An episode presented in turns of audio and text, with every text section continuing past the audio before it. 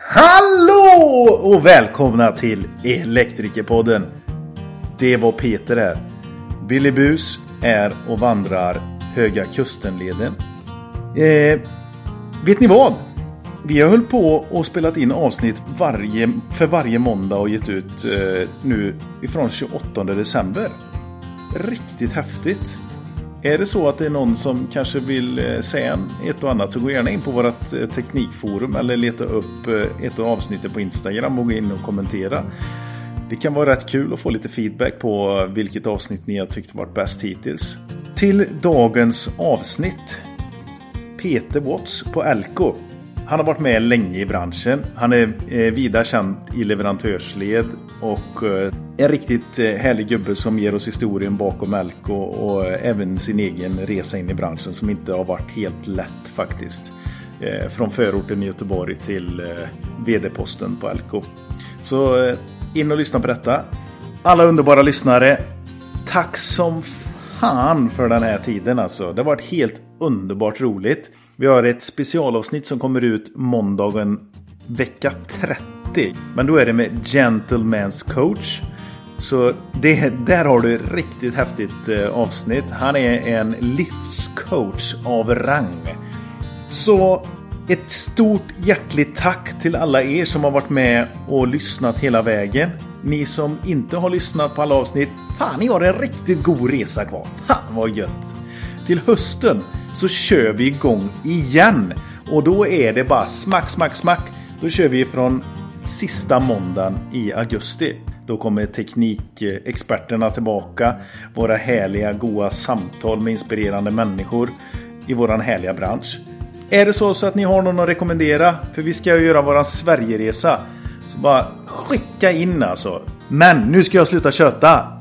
Hoppas ni får en grym vecka och en superhärlig sommar. Ha det så gött allihopa och trevlig sommar och hoppas att matjessillen och snapsen smakade bra. Om er, om er, en podd som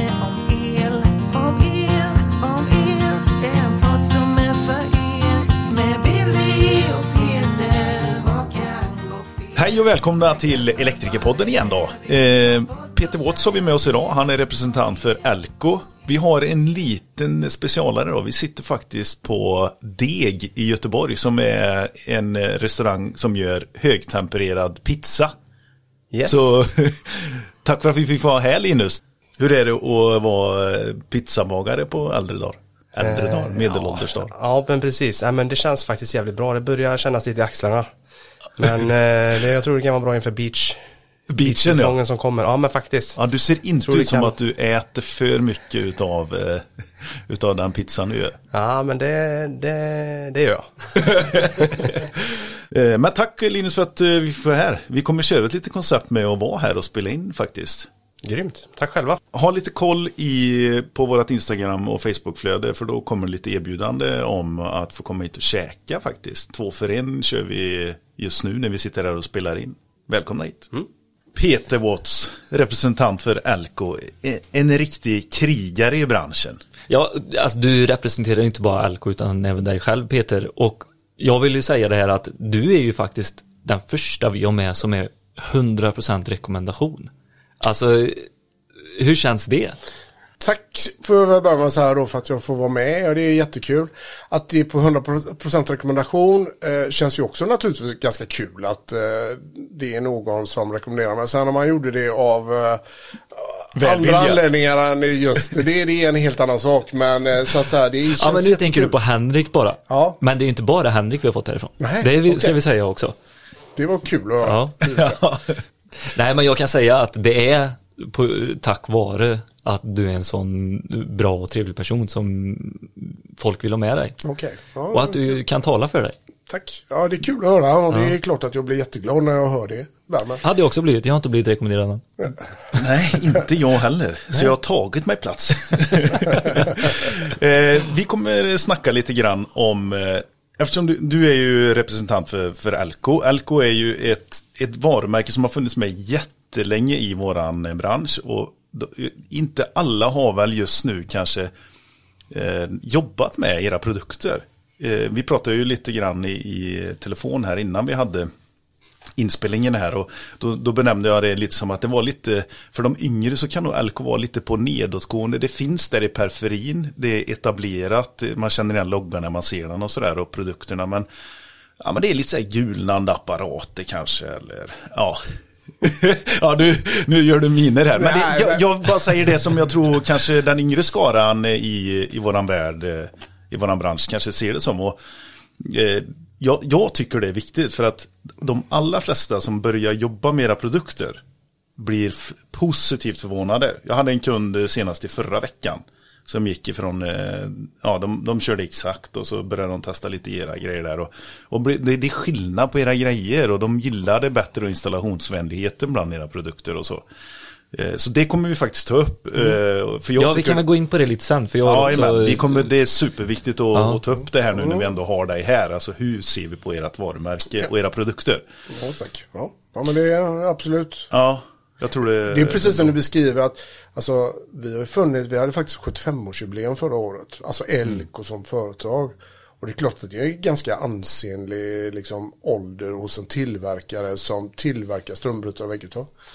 Eh, vi är ju liksom också en av eh, de få no, alltså, varumärken som endast existerar i Norden då. Vi har ju liksom ingen annan marknad än Norden.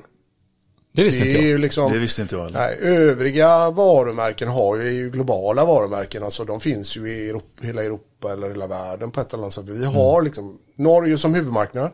Det är nummer ett. Sverige som andra marknad där vi är nummer två. Och Finland finns vi då också representerade i. Eh, som bolag. Men därav så är det så att vi har ingen annan marknad där någon grossist eller någon annan återförsäljare säljer våra produkter. Det har funnits intresse för det men vi har aldrig haft ambitioner. Det kommer liksom inte finnas någon ambition att vi ska verka någon annan marknad än Norden. Och därav det ni säger att vi vi har kanske utvecklat produkter mycket med utgångspunkt från det nordiska liksom, sättet att se då.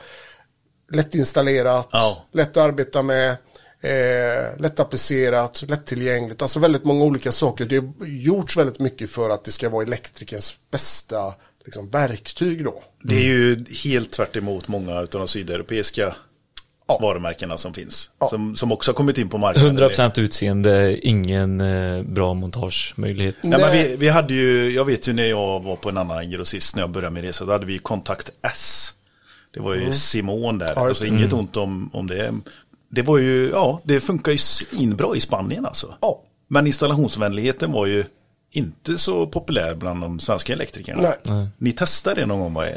Vi har kört det och även eh, Legrand och de här historierna och sånt. Och det är alltså inget ont om dem. Alla, har Alla fyller sin funktion. Precis, Ja. alla fyller sin funktion och har Plats på marknaden. Ja, så eh, det, man ska ju absolut testa det. Vi, vi ratar inget utan vi vill höja alla på det de är bäst på. Men jag vill bara säga också Peter att vi har ganska många lyssnare i både Norge och Finland. Ja. Så det här är kul att, eh, Att Ja, och är, för också. oss är det en profil och en väldigt viktig, det är en viktig liksom värdegrund för Mm. Elko. Att vi finns för de nordiska marknaderna, att vi faktiskt är liksom nordisk eh, aktör på det sättet. Mm. Eh, sen att eh, eh, vi har väldigt, väldigt duktiga konkurrenter och försöker också någonstans att faktiskt även ta intryck från andra. Vi kan liksom inte någonstans vara självgoda och bara uttrycka oss på att vi tycker vi har det bästa, vi behöver aldrig göra någonting. Och där får vi liksom då erkänna det som du säger Peter är att eh, ja, det, det finns liksom en viss kanske ålderdomlig tradition över produkterna som gör just styrkan men också utmaningen i att faktiskt ha Elko för att vår yrkeskår är ju konservativa och det tar ju lång tid att ändra på dem men det blir ju också någonstans så att den äldre generationen tar med sig det här men det kanske vi har dåligt med alltså, mm, med, med, ja. yng, med yngre förmågor liksom som hittat fördelar med Elko. vet du vad jag tänker när jag hör Elko? Det första jag tänker på, kan du gissa vad det är? Kan det vara hörnboxen? Nej. I skolan. Ja, just det. Skalkniven. Ja, Doskniven. doskniven. Doskniven Den ja. klassiska doskniven. Läder, Nej, precis, läderslidan och så doskniven. Ja, just det. Säljer ni det fortfarande? Absolut. Ja. Den säljer vi riktigt, riktigt bra. Det Även om så? den är nog definitivt inte bäst på marknaden för det ändamålet. Och dagens doser har egentligen inte det behovet Nej. heller. Men det är en universalgrej. Du kan skära runda hål och lite sånt där med den. Det är, ja. det är absolut. Ja, men eh, när du väl säger det, doskniven borde vi nog ha liksom lite tydligare på våran profil faktiskt. Ja. För den är, Ska vi skicka ut några dosknivar till de som inte har? det kan vi absolut göra. Ska vi göra det? Ja, alltså, Det till låter våra väl som en jättebra idé. Men eh, gör så här att eh, ni taggar eh, eller att folk får tagga in sig på Insta eller på så kan vi fixa det. Mm. Det hade varit jättekul. Ja, men vi kör en fem stycken. Ja. Skickar vi ut. Ja. Ja, det är svinkul. Men vi, vi skiter i Elko nu va? Nu går vi in på Peter. Ja, vi kör lite Peter. Ja, eller tack. Ja, ja, ja. Prime Ja, time. prime time. Yes, okej. Ut är tillbaka, ta Mm. Ja, popcornen men i munnen. Berätta lite grann Peter, Eh, vart kommer du ifrån? Jag är ju, om vi börjar med åldern kan ju vara bra. Ja, Eh, har ju försnackat lite om ålder och medelålders män och jag tillhör ju den typen av, eller den kategorin. Jag är ju 55 år. Uppvuxen i Göteborg. Och för att vara mer exakt så är jag uppvuxen då i Kortedala som är då en förort i den östra delen av Göteborg. Bodde, min första lägenhet var även i Göteborg, min egna när jag flyttade hemifrån. Så jag är uppvuxen med min mamma och min bror. Eh, I hyreslägenhet, enkla förhållanden. Det finns ju både likheter och skillnader mellan Kortedala då och Kortedala nu då. Okej. Men vi liksom, vi var ju en, vi var ju då på den tidens förortskids eh, på samma sätt som man kallar dagens kids som bor i förorten förortkids eller ortenkids som man då utvecklat det till idag. Men vi var ju samma kategori. Vi eh, var, hade ofta föräldrar som jobbade inom industrisektorn, den offentliga sektorn. Det var likvärdiga förhållanden på oss som uh, uppvuxna där. Det var ingen som hade direkta sommarstugor eller båtar eller någonting sånt där. Vi var liksom enkla och sprungna ur liksom ganska enkla förhållanden. Det som jag tror är gemensamt då och nu det var att många av oss hade en ambition att komma därifrån. Men det som jag kan se bara rent utifrån det är den här att det är en väldigt stark gemenskap. Ja, absolut. Och att det är något väldigt vackert med det också. Definitivt. Som man ska ta tillvara på och styrka. Och, det, och- jag skulle vilja säga att det är också det som kanske i mångt och mycket har präglat många av oss som kommer därifrån. Däribland mig själv. Att ingenting är gratis. Vi har verkligen liksom, alltså, jag vill inte säga att jag är den duktigaste i världen. Jag har ändå på något sätt, men möjligheterna har funnits där. Det är bara det att liksom, jag tog det och gjorde liksom någonting av det. Men vi som växte upp där uppe hade ju precis samma typ av problematik som dagens ungdomar som växer upp i samma, inom samma områden eller inom samma typ av miljö.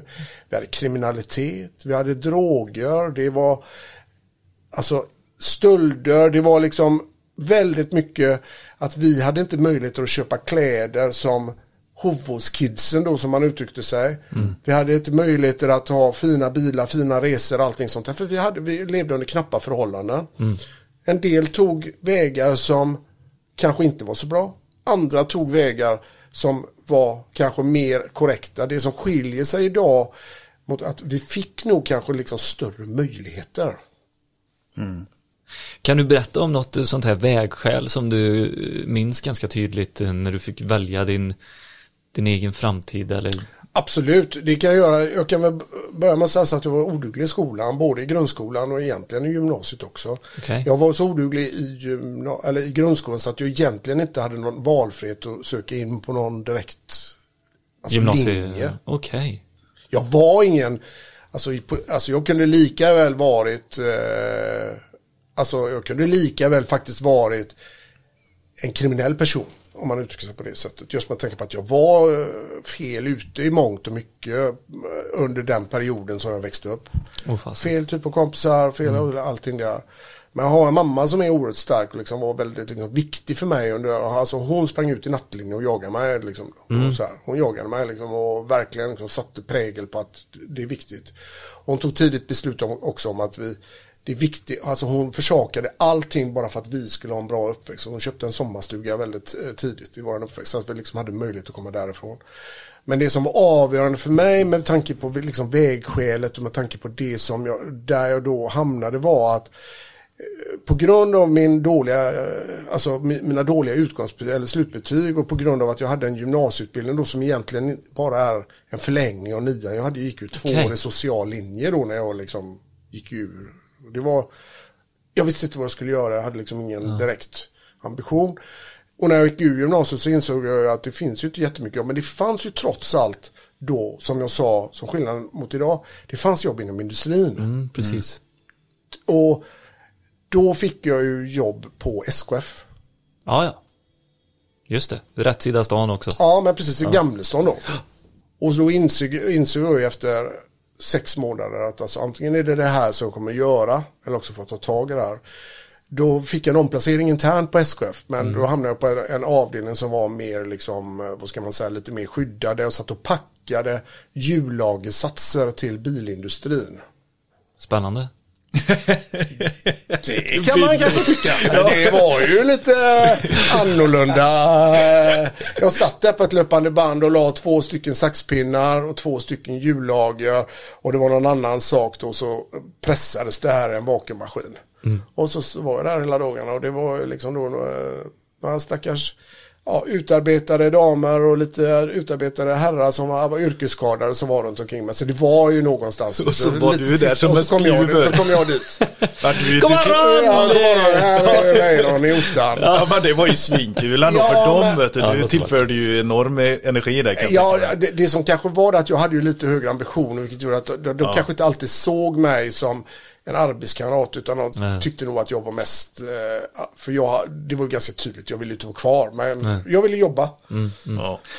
Eh, Samhällshjältar vill jag bara Ja. eh, flika in där också. Sådana som sitter på de banden. Ja, och, absolut. Precis. Definitivt. eh, pappa. Pappa var, fanns ju såklart. Eh, Men eh, min pappa har aldrig funnits egentligen närvarande i min uppväxt. Inte, mamma och pappa skilde sig när jag var, jag tror det var två år. Och eh, vi hade sporadisk kontakt för lov att säga. Men eh, pappa gick bort för över tio år sedan nu tror jag. Och eh, vi hade aldrig någon kontakt, inte ens in i det sista. Han fanns inte med i livet som en förebild alls. Absolut så, inte, nej. det gjorde han inte. Utan jag har ju haft andra manliga förebilder då i form av min mammas systers man bland annat då och även en annan som faktiskt då var min mammas systers ex pojkvän som också fanns som en manlig förebild någonstans i periferin. Där.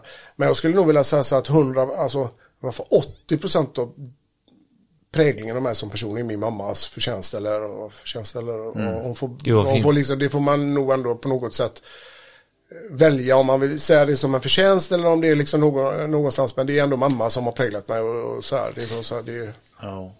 det som jag själv då, nu får ju min son, säger jag en son, han är 25.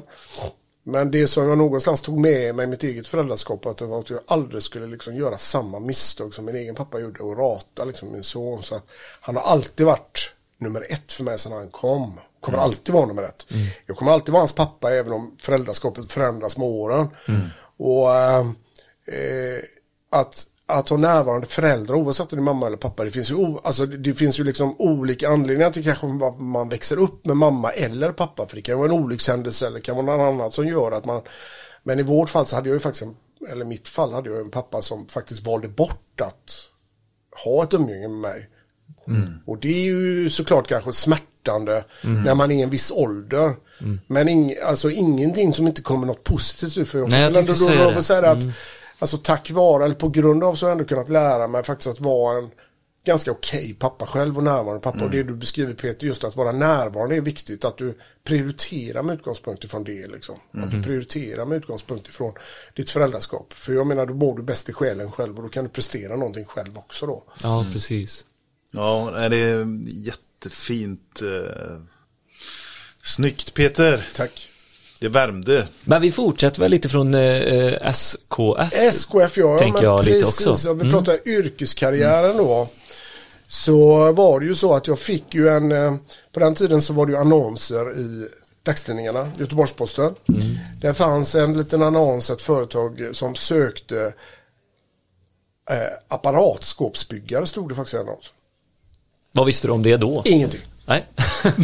Jag hade ingen aning. Jag visste inte alls vad det var för något. Nej. Det lät eh, Lite spänn mer spännande. Lite än, mer eh, spännande än att att- stå och packa kullager i en vakuummaskin. Absolut, det kan jag säga. Det kan jag inte. Det kändes som att, kanske. Ja. Så att eh, jag sökte det jobbet. Ja. Och detta var ju då någon gång 86 tror jag. Men- Ofint år alltså. Ja, men det är bra, Riktigt bra fint årgång år. där. Ja. Föddes som en pekka. Snyggt. Ja, men du ser, det, det, det, det är liksom, kom något bra i det året. Det är verkligen. Mm. Peter heter vi båda också. Ja, men exakt. Ja, Eh, nu gick det från hyllning från Peters mamma till Peters... Peter-namnet. Peter- Peter-namnet. Peter. Ja. Nej, fortsätt. Och, och då hamnade jag eh, på en intervju där med en kille som trodde på mig av någon anledning. Eh, och han sa, men vi vill gärna att du börjar här. Och jag hade ingen aning. Jag visste inte vad det innebar. Jag kom in i en verkstad, det stod fyra, fem killar med stora eldonskåp eh, på bockar med eh, kabelkanaler, kontaktorer, reläer, plintar och allt möjligt sånt där. Och så var det ju RK och FK i mängder som låg i härvor och partexmärkningar. Och så stod alla och läste i något konstigt papper då som då är ett förbindningsschema då eller en ritning. Och det skulle jag göra. Och då är det ju egentligen så att eh, han sa det här lärde du dig så. Ja. Den, den killen till den killen. Så, eh, det Den här- gubben går till den gubben. Ja. Och så, Så det här blir din arbetsplats, sa han. Och så pekade han på ett ställe då där jag hade en arbetsbänk och två stycken arbetsbockar. Jaha, okej.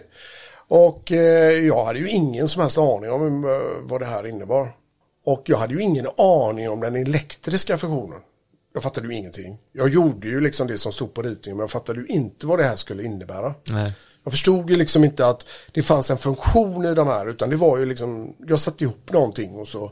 vad som hände ute vad- i verkligheten. hade jag ingen aning. Men jag måste fråga, är det, måste du ha en elutbildning idag för att jobba på samma sätt? Alltså apparatskåpsbyggare. Jag skulle nog absolut säga så här att eh, det är nog minst automationsingenjör eller någonting sånt för att kunna göra det där. Samma ja, det typ. tror jag.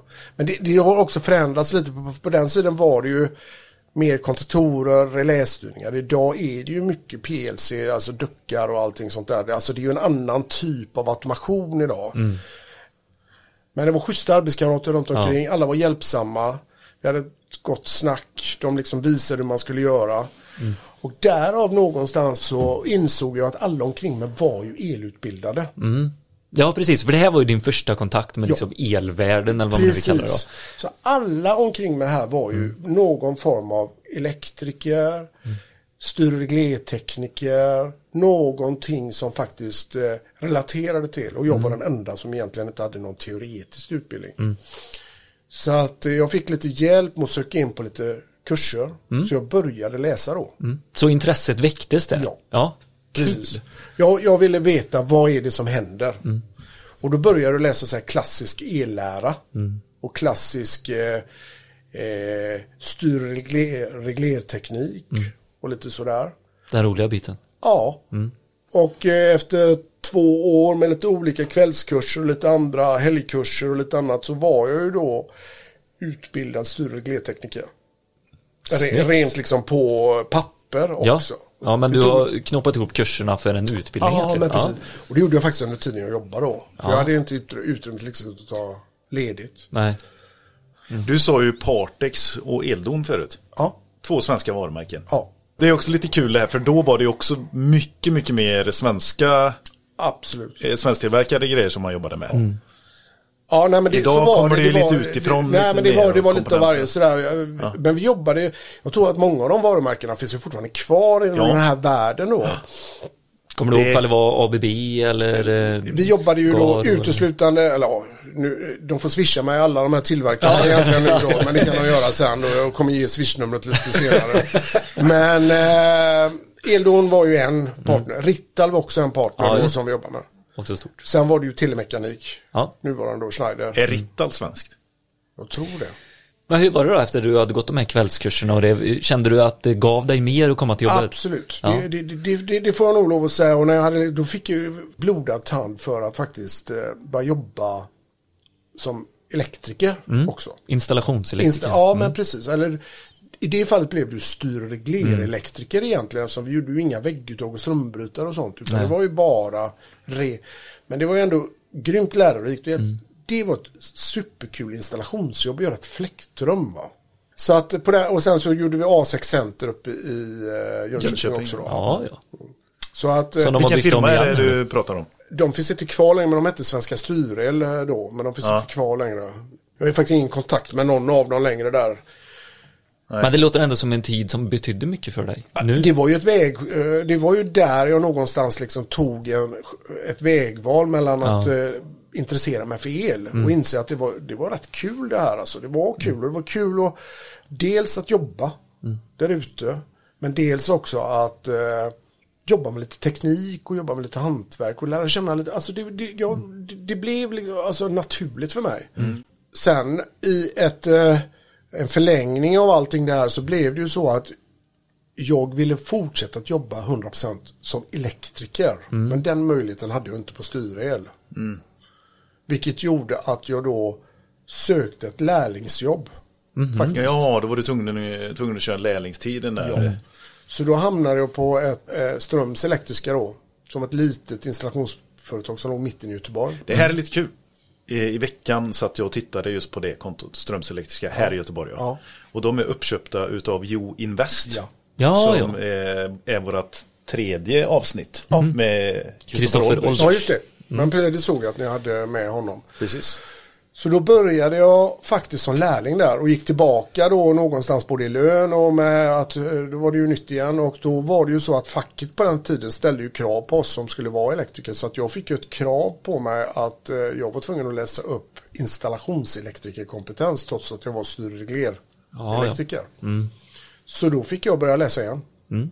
Så då läste jag in och blev installationselektriker under tiden jag jobbade där. Och då var jag lärling ända fram till, till jag blev certifierad då. Den chefen som anställde mig, han värdesatte ju det att jag ändå kunde saker som faktiskt då de flesta installationselektriker inte, kan. kan. Jag kunde verkligen. ju det här med styr va. Jag kunde ju gå in, jag var ju helt orädd att gå in ett apparatskåp och felsöka i det. Och det kan jag säga att det är liksom inte så många elektriker som gör det. Nej, nej, nej. Då ryggar man tillbaka Då lite och så tillbaka. tänker Men där kunde jag ju, liksom, kontaktordet. alltså en fördel. Men jag hade fortfarande inte certifikatet eller kompetensen för att vara installationselektriker. Så det fick jag ju då lära mig. Alltså vilket driv du har Peter. Eller har haft. Jag vet inte om du har. Jo men det har jag ju, det får jag väl ändå lov att säga att jag fortfarande har. Och, ja, precis. eh, men eh, jag, jag måste nog ändå Det är säga. ingenting som har stoppat dig. Nej. Om man säger så. Nej. Och det tycker jag, det är häftigt att höra alltså. Men det var sjukt knapert under vissa perioder. Framförallt när jag gick tillbaka som lärling. Vad, vad hade man då i lön? Nej, jag tror att jag gick in som lärling. Det- Detta var 87, 88. Jag tror jag gick in sådär. 8-9 tusen eller? Jag tror inte ens jag hade Nej, så mycket. Jag tror jag hade 5-6 tusen tror jag jag hade. Så att jag eh, fortsatte att kämpa på på Strömsele. Jag var där i sju år faktiskt. Oj. Men läste under tiden då, när jag väl var färdig med certifikatet, då bestämde jag mig för att nej, jag vill få nog fortsätta läsa.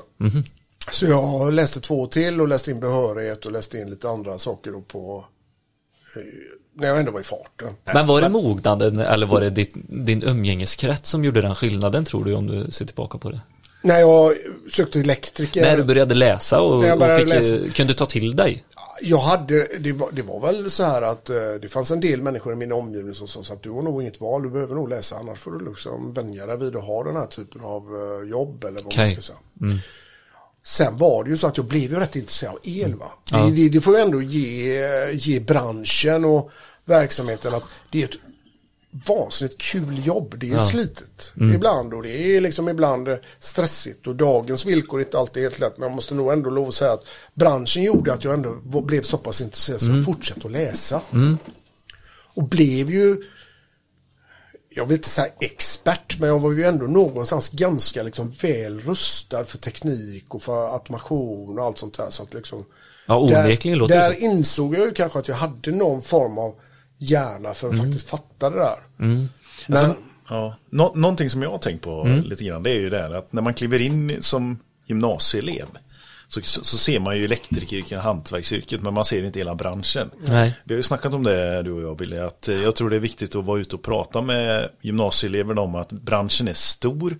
Jag har klivit in som eh, butikssäljare och kommit in i det och börjat fundera på, ja men det är ganska intressant det här yrket. Nu valde inte jag att utbilda mig då, men du är ju beviset för att man kan komma in och så börjar man tycka det är intressant att se öppningarna.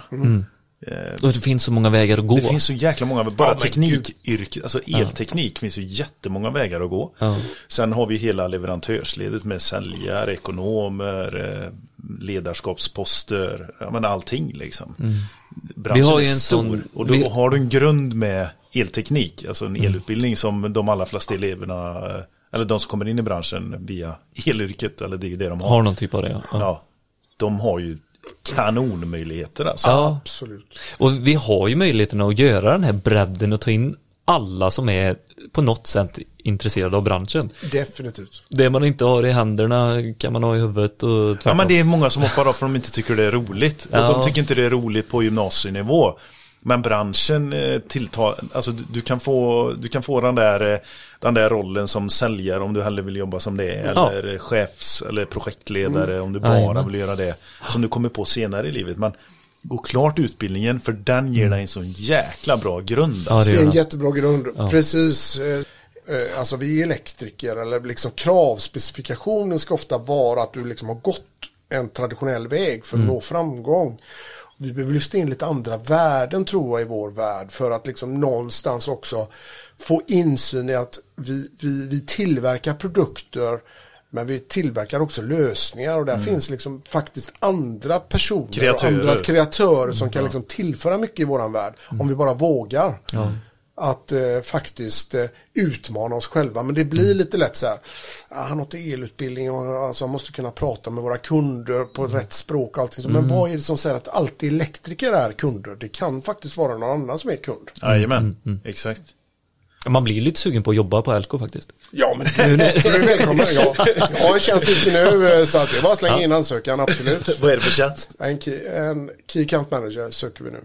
Storkundssäljare för er som inte... Ja, fast det här är en speciell, väldigt, väldigt speciell tjänst på det sättet att vi eh, söker en person som ska vara mer affärsutvecklare, som ska jobba mer med slutkundsbearbetning kan man säga. Ja, Oj. ja. Det låter ju jätteintressant. Vi har haft en ambition och kommer att ha fortsatt ambition på att verka inom vissa sektorer för att påverka ett tidigt skede av materialval. Och det kan vara bygg och fastighetsbolag, det kan vara inom prefab småhussektorn, Ja, just det. Det kan vara inom hotellsektorn. Det kan vara inom möbel och inredningssektor. Alltså väldigt mycket sånt där, där man någonstans kanske ser att det sitter ett vägguttag eller ett USB-uttag i någonting. Men hur kom det dit liksom? Men det, Smart. Det låter som ett jätteroligt jobb. Det, det tror jag faktiskt är ett väldigt roligt jobb. Ja. Vart, vart hittar man ansökan för de som är sugna på att söka?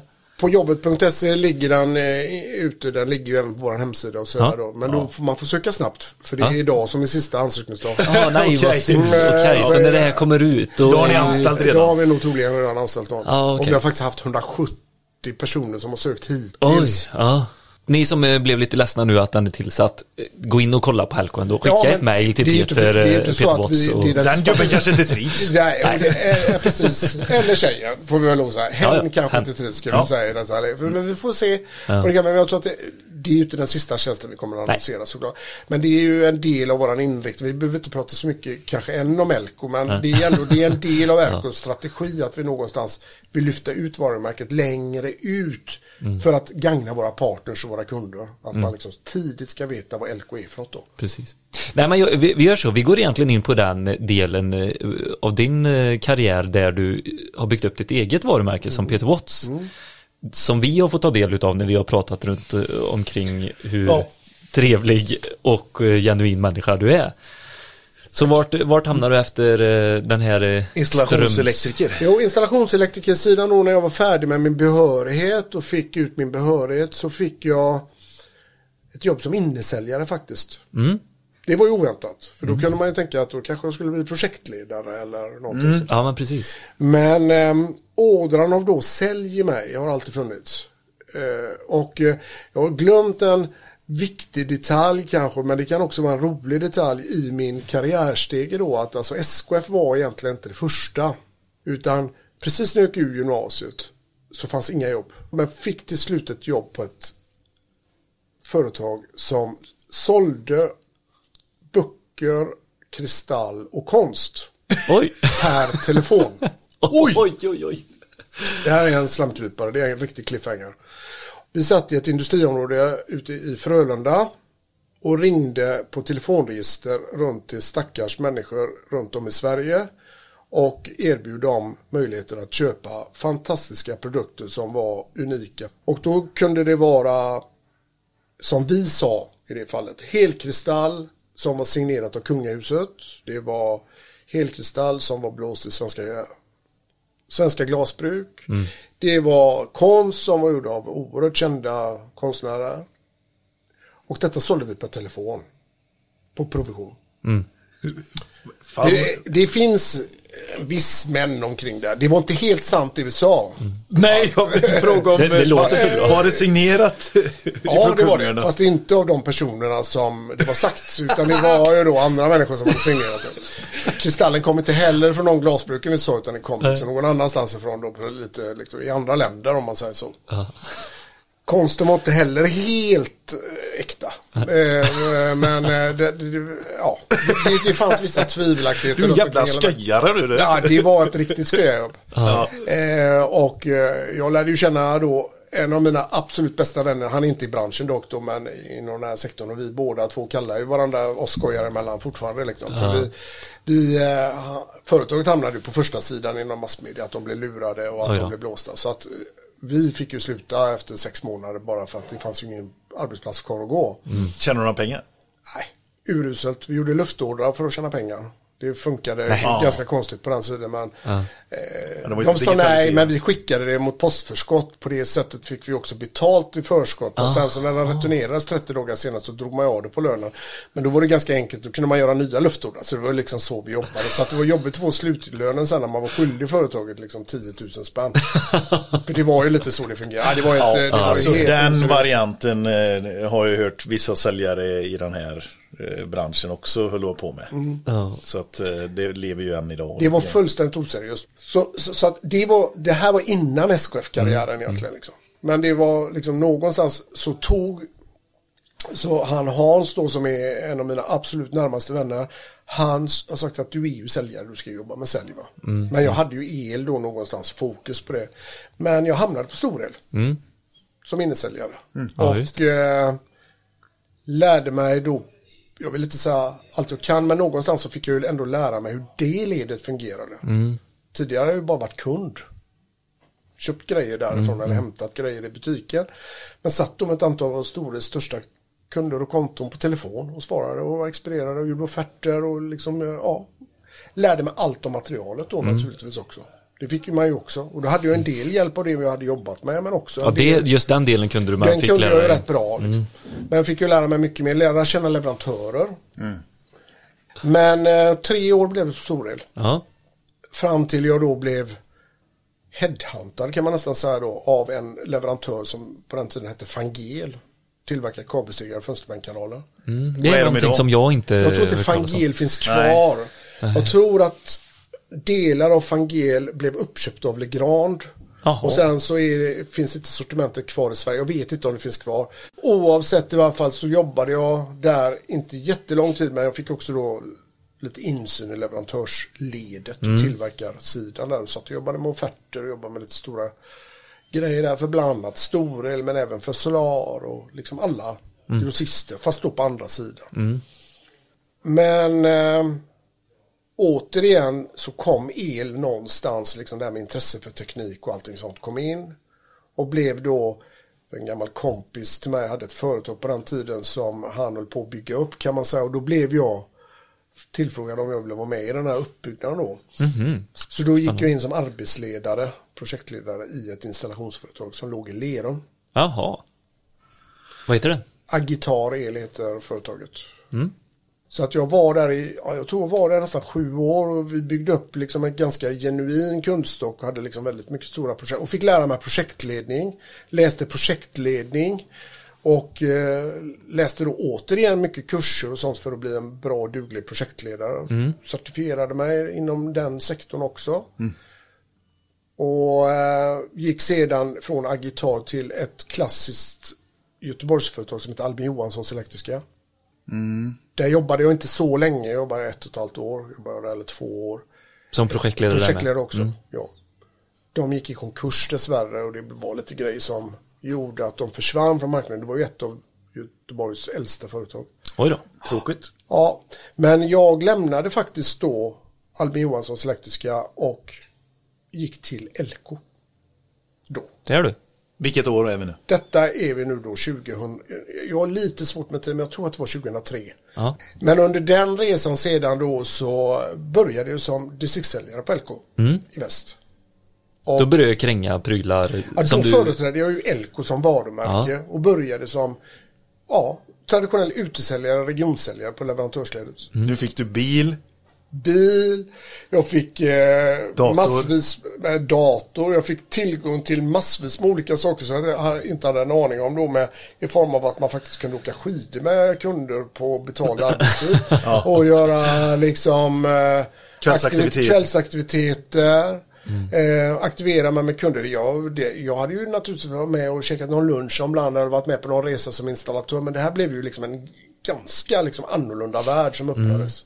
Såg du upp till de säljarna när du var montör själv eller när du jobbade Ja, installatörsled? det, var- det är klart att några av dem fanns ju väldigt liksom, där man tyckte att det var schyssta profiler liksom, bra, alltså roliga killar, de hade rätt schyssta jobb. Det var liksom, ja, det var ju någonting som, men det var inte så att jag såg upp till dem, men det var ju några som jag tyckte var väldigt, väldigt liksom, bra att jobba med. Men i, vilk, i vilket fall som helst, eh, det är klart att det fanns förebilder. Eh, Men det fanns också liksom, vad ska man säga, människor som man också såg lite tragiskt i den här världen då. Där man har byggt upp hela sin eh, karriär och man har byggt upp hela sitt varumärke och väldigt mycket runt omkring sitt jobb och sitt företag. Man offrade familjen, man offrade väldigt, väldigt mycket liksom för att man inte ansåg att det var ett jobb utan det var en livsstil. Det var Berätta gärna om baksidan på detta, för det är inte många som vet om. Nej, Man jag- ser glada killar, kommer ut, mestadels killar och gubbar. Ja, jag skulle vilja säga så här att alltså, det här är ju en otroligt stor utmaning att vara säljare i vilken bransch du än är. Men jag tror att i mångt och mycket, kanske vår bransch, det har blivit cementerat att man förväntas som säljare att du ska liksom göra ett antal liksom saker som kanske inte handlar om sälj utan det handlar väldigt mycket om privata aktiviteter. Restauranger, krogbesök, du förväntas bjuda, du förväntas vara den liksom glada killen eh, som alltid går upp först och går och lägger sig sist. Som alltid ställer upp och gör, alltså, ställer upp på allting. Där mm, kunden kanske inte heller alltid ser att säljaren har 20 andra kunder som kräver samma. För kunden är det en aktivitet om året medan för säljaren är det kanske 30-40 aktiviteter med likadana inslag. Det är väldigt stora risker, utmaningar.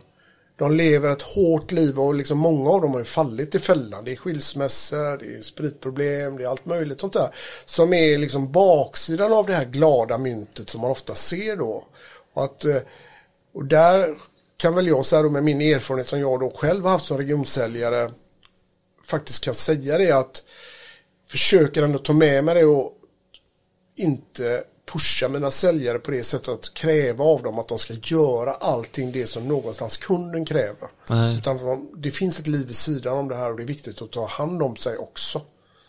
Det har ju påbörjats en, en stor förändring i detta tycker jag. Mm. Alltså det är ett Ja. Peter, kommer du ihåg vad jag sa till dig när du kom till mig som säljare första gången? Ja, det var väl att vi inte behövde göra de här spritresorna. Ska vi göra någonting med, med Solar och dig Peter? Då ska det innehålla någon typ av fysisk aktivitet och något som Ger något. ger någonting Mm. Ja. till våra montörer och eh, till mig. Ja men, nej, men det var ju produktgenomgång och så vattenskidor och så grillning och vi, vi blev liksom bara ett gött gäng där man Mm. eh, var mer bevakande över va, varandra för att alla skulle ha det trevligt liksom. Mm. Alltså man får också förstå att det är ett jobb du gör. Ja. Du har ett, ett uppdrag, du blir betald. Alltså, som säljare blir du ersatt för att göra ett uppdrag. Ditt uppdrag är ju faktiskt att sälja produkterna eller tjänsterna som det företaget du företräder. Och Det blir ju, alltså till slut så blir ju allting liksom en enda stor röra där liksom relationen ställs inför produkten och att du liksom glömmer en hel del av de viktigt, viktiga uppdrag i det här. Och jag säger inte, jag tror att alla vi har hamnat i den situationen att man någonstans förväxlar kund och vän och kompis. Och Det kan liksom finnas situationen som en säljare ställs inför som är väldigt, väldigt utmanande just med tanke på att det blir nästan till en jävig situation. Liksom. Vems knä ska du sitta i? Är det kundens knä eller ditt företag? Alltså, du ställs nästan inför lite gisslansituationer. Åker du inte med på den här resan ner till Spanien eller gör du inte det så kanske vi köper något annat. Att man blir lite sådär, jag, jag vill inte säga utpressad men och det, det kan vara ganska belastande som, alltså som säljare att faktiskt känna att du måste offra din familj eller du måste offra liksom något annat för att ställa upp på den typen av krav då. Och där tycker jag att branschen har blivit bättre. Våra kunder har inte riktigt samma intresse och därför får vi säga att de yngre förmågorna har inte alls samma intresse av det här med spritresor och krogbesök och allt det, utan de prioriterar sin familj och prioriterar väldigt mycket annat. Ja, nej, det, det här är en viktig punkt faktiskt. Ja, jag tycker det är För att jätteviktigt. vara inkluderande i branschen. Berätta lite grann om eh, bolaget. Ja. LK. Gärna. 75 år som jag sa förra året. Ja. Eh, vi agerar på den nordiska marknaden. Våran huvudprodukt, vårt huvudproduktområde är ju strömbrytare, vägguttag, ljusreglering, dimrar och rörelsevakter. Även do, dosor. Det startades här i Göteborg? Eller Nej, var det? Nej. det gjorde det inte. Det startades i Norge. Ja, det är ju Det är norskt. sprunget det ur norska Jaha. marknaden. Därför är det så stort i Norge. Ja. Och på västkusten är det ju, i Ja, det Bohuslän finns ju är det då- typ fortfarande självskrivet. Det finns ju vissa liksom, kopplingar däremellan och du har nog säkert en del, del med Norge att göra. Liksom, eller det har Ja, garanterat med Norge ägare. Ja, men Mm. precis. Så att eh, nu kan jag inte helt hundra liksom hela storyn men i va- varje fall så var det så att efterkrigstiden i Norge så började man med att tillverka spisvreden på LK. Det var Jaha. liksom så själva ja, Plastindustrin kom in Plastindustrin ja. och sen så gick man då in i den här installationssektorn eh, och blev en ganska snabbt en ledande aktör i Norge och i Sverige hade ju Elko en position någonstans 60-70-talet i varje fall att hade 50-60% av marknadsandelen då under miljonprogrammen där det var väldigt stor Mm. efterfrågan på, på liksom den typen av material. Jaha. Så historiken är ju sprungen ifrån Norden men framförallt från Norge då.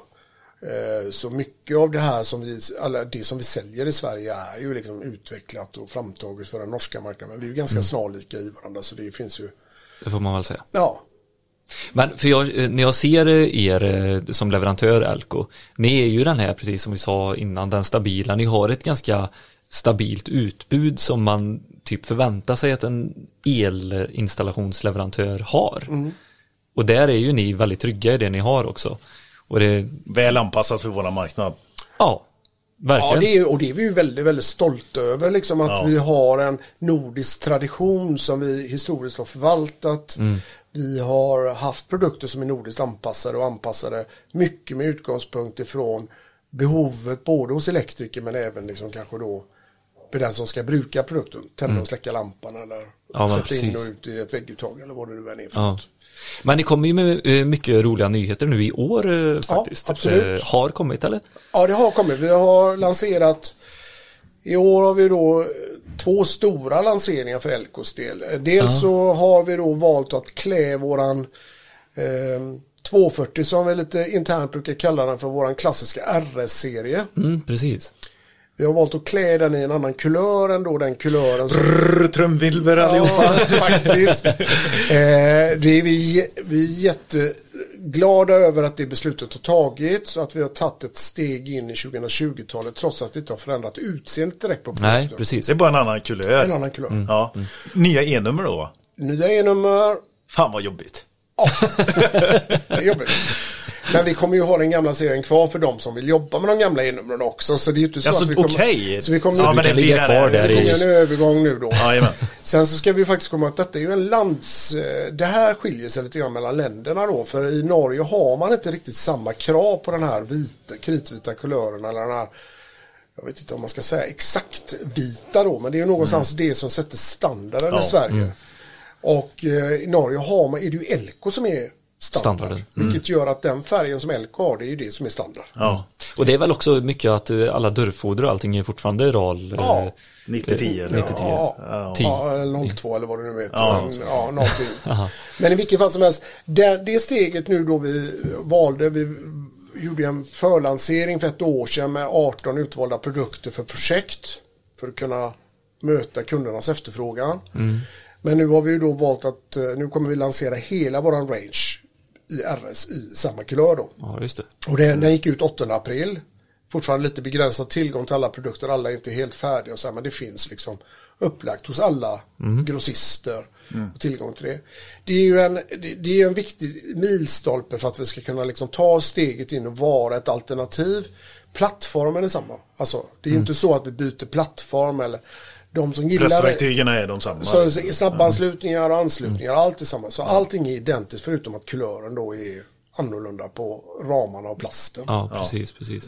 Och eh, det, vi snackade om eh, doskniven här förut och, och eh, den biten som var i de äldre doserna. Men ni har ju även eh, en ny... Ja, men den nya serien med ja, doser. Flexi Plus. Ja, precis. Och den är vi ju lite mer, där kanske vi kan säga så här att Av alla sexiga produkter i den här branschen så jobbas det ju väldigt mycket med doser. ja, Men vet du hur stor ju- del det är av vår Jag vardag? vet, jag vet. Och det är ju som Emtotech som vi hade med deras Ja. eh, kabelskydd liksom. Det blev ju revolutionerande. Men så ställer man det i paritet till så här Plaid.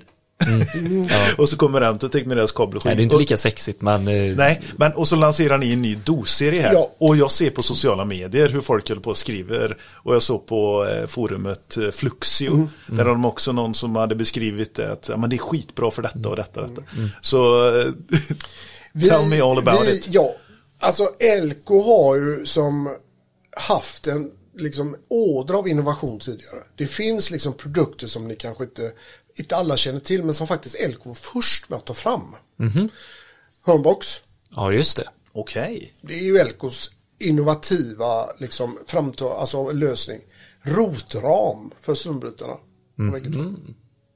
Den typen av produkter var ju Rotdosa menar du? Nej, rotram, alltså när du har en infälld strömbrytare som du ska sätta utanpåliggande. Ja, Så kan du sätta den i en rotram, alltså i Det är en en och en halv förhöjningsram. Ja. En fröjningsram. Ja. precis.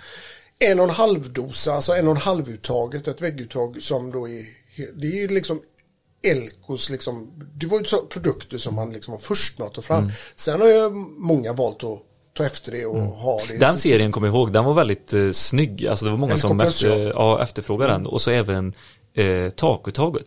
Som var så slimmat och snyggt. Absolut. Så det har ju funnits innovation tidigare. Det som nu då har hänt med Flexi Plus är ju att det här är ju en helt nytt sätt att se på en infälld apparatdosa. Eh, och det låter ju liksom, för den som inte vet eller jobbar med en infälld apparatdosa så låter det så här, ja men okej, vad, vad är det här för något? Men om man tittar liksom ur installatörssynpunkt så är ju detta en 100% installatörsprodukt. Mm, så är det. Det är ju Går liksom- den här i linje med hur man när man köper en LK, ett vägguttag till exempel. Att fan vad bra det är att, att installera. Alltså, Går det, är- i linje det är med lite det? Får ni det gehöret? Det är lite tidigt att säga liksom alla recensioner. Vi har ju liksom Ja. fått väldigt positiva omdömen om den. Det finns ju en rad olika saker som skiljer sig rätt mycket från de traditionella doserna. Ja. Och det är ju dels att vi har valt att göra den 25% större bakom väggen. Vilket innebär att platsen i själva dosan, både för internt kopplingsutrymme, men också för att lägga aktiva produkter, Det är så jäkla gött. finns ju liksom 25% större utrymme faktiskt att lägga in i den här. Dessutom så är det Alla så... dimmerpuckar och alla allting. dimmerpuckar och allt, all, alla aktiva saker.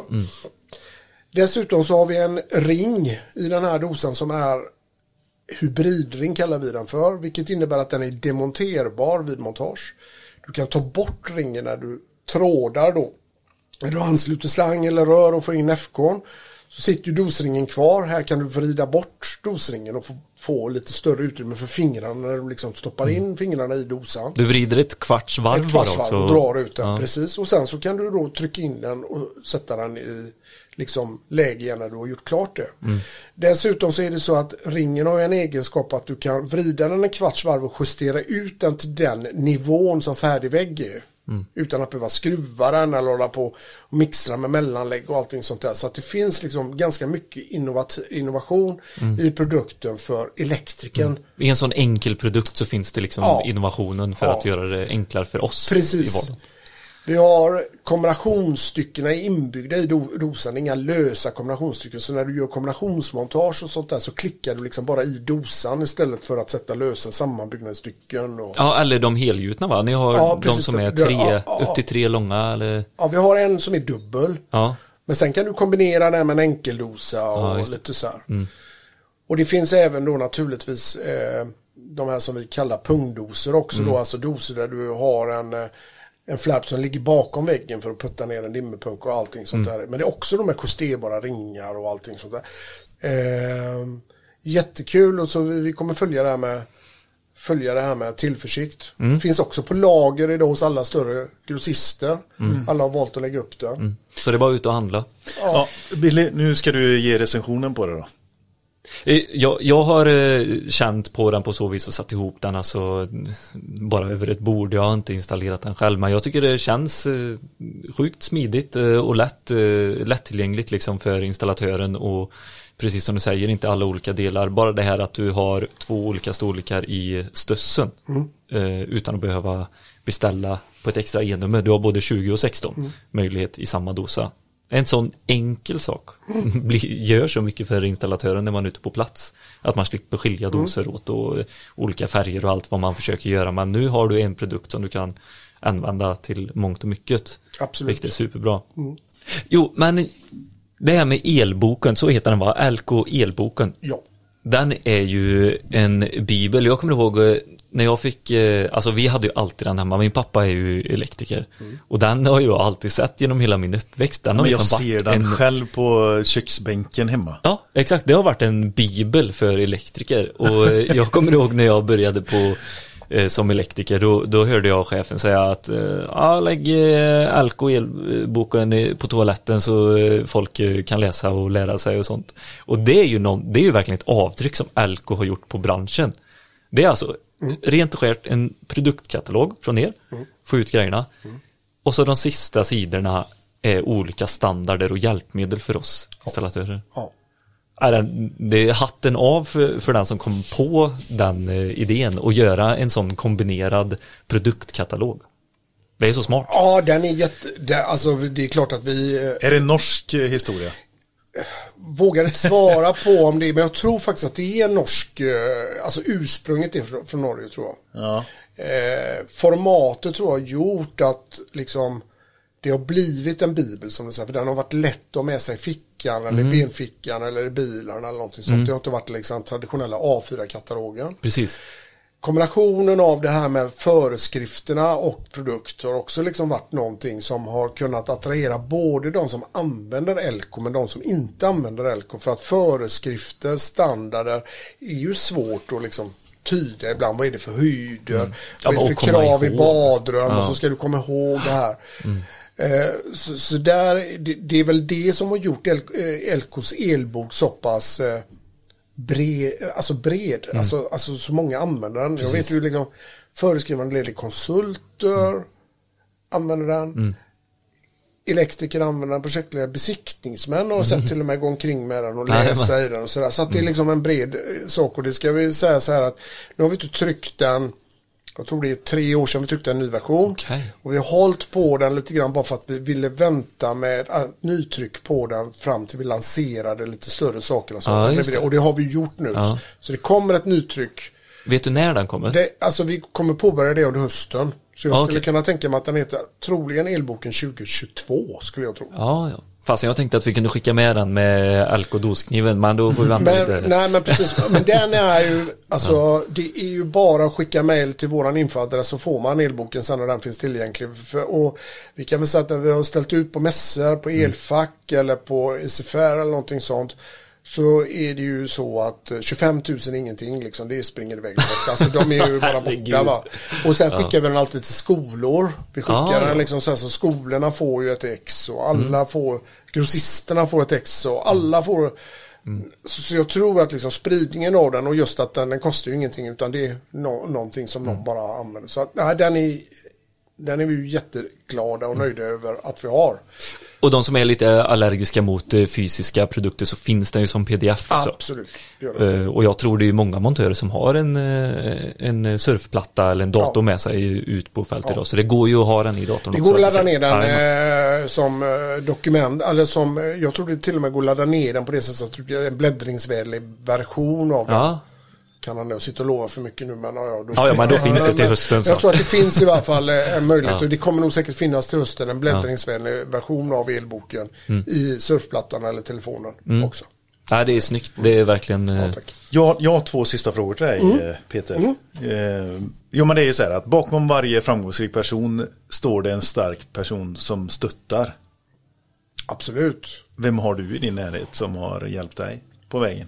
Ja, alltså min sambo såklart är oerhört störtande och väldigt förstående över att jag har ett jobb som jag har. Så hon är ju en väldigt viktig livskamrat för mig i alla olika avseenden. Inte bara att hon stöttar mig i min yrkesroll utan hon kom in en tid i mitt liv där jag var, det var rörigt i mitt liv. Jag gick igenom en separation från min sons mamma och och jag sökte och försökte liksom och allting sånt. Men hon kom in i ett skede där liksom någonstans hon har faktiskt fått mig att hitta balansen mellan jobb och, och eh, privatliv.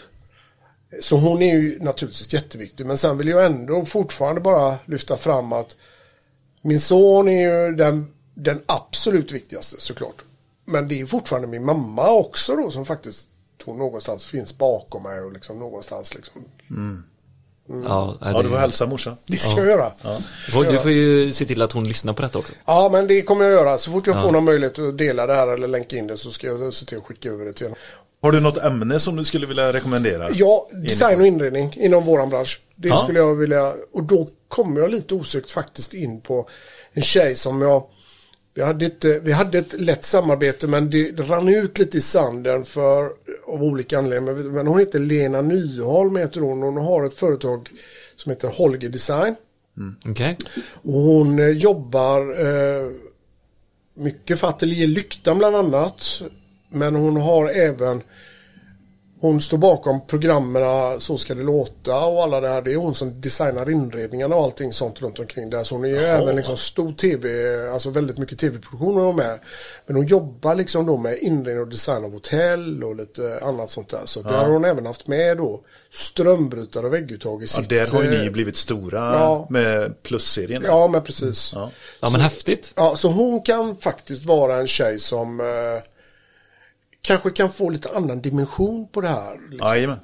Ja, ja, bra. Har du något att tillägga annars eh, som du vill ge till våra lyssnare? Kom det en tredje fråga här. Nej, alltså det, det kan bli lite högtravande om man liksom ger massa rekommendationer. Alla har sin egen, egen story omkring det här, men någonstans så skulle jag vilja säga att det finns möjligheter och det går alltid om man liksom själv orkar göra jobbet. Det skulle jag kanske avslutningsvis vilja säga. Jag vet inte om det låter lite. Tycker det låter jättebra. Vi behöver mer högtravande. Du menar eh, mer högtravande uttryck? Eller vad säger man? Eller, jag vill säga att vi behöver ta ner eh, nivån lite grann och göra den eh, mer prestigelös. Ja. Men vi alla är säljare, Ja, alltså, eller vi alla har någon form av ansvar för våra företag. Vi representerar våra företag på olika sätt och Mm. vi alla har en uppgift att fylla liksom, med att faktiskt förse våra kunder med rätt tillfredsställande lösningar på det vi gör. Och eh, då har vi det liksom Oavsett om du jobbar som elektriker så är du minst lika viktig som lagerarbetaren som förser personer. Alltså, det, alltså alla har vi en, ett värde i det här vi gör. Jag tror det är viktigt att man liksom inte lyfter upp det på att någonstans börjar allting uppifrån. För det gör inte det. Allting Nej. börjar liksom någonstans där behovet finns. Precis. Snyggt Ja, Peter Watts. riktigt snygg avslutning. Ja. Jättebra samtal Peter. Tack för att du ville delta. Eh, Du visste inte vad det handlade om innan. Du var lite nervös och det kanske. Men eh, skitbra. Lite nervös var. Men eh, ni skötte er bra. Tack för att jag fick vara med och jättekul att ni har startat igång det här. Ja. Det är roligt att någon lyfter in den här branschen i en annan dimension än att bara prata liksom ur ett elektriker produktionsperspektiv. Att det finns liksom en bransch Precis. som är spännande för oss alla. Liksom. Mm. Ja. Så ni gör det grymt bra. Så tack för att ni finns. Ja, tack. tack.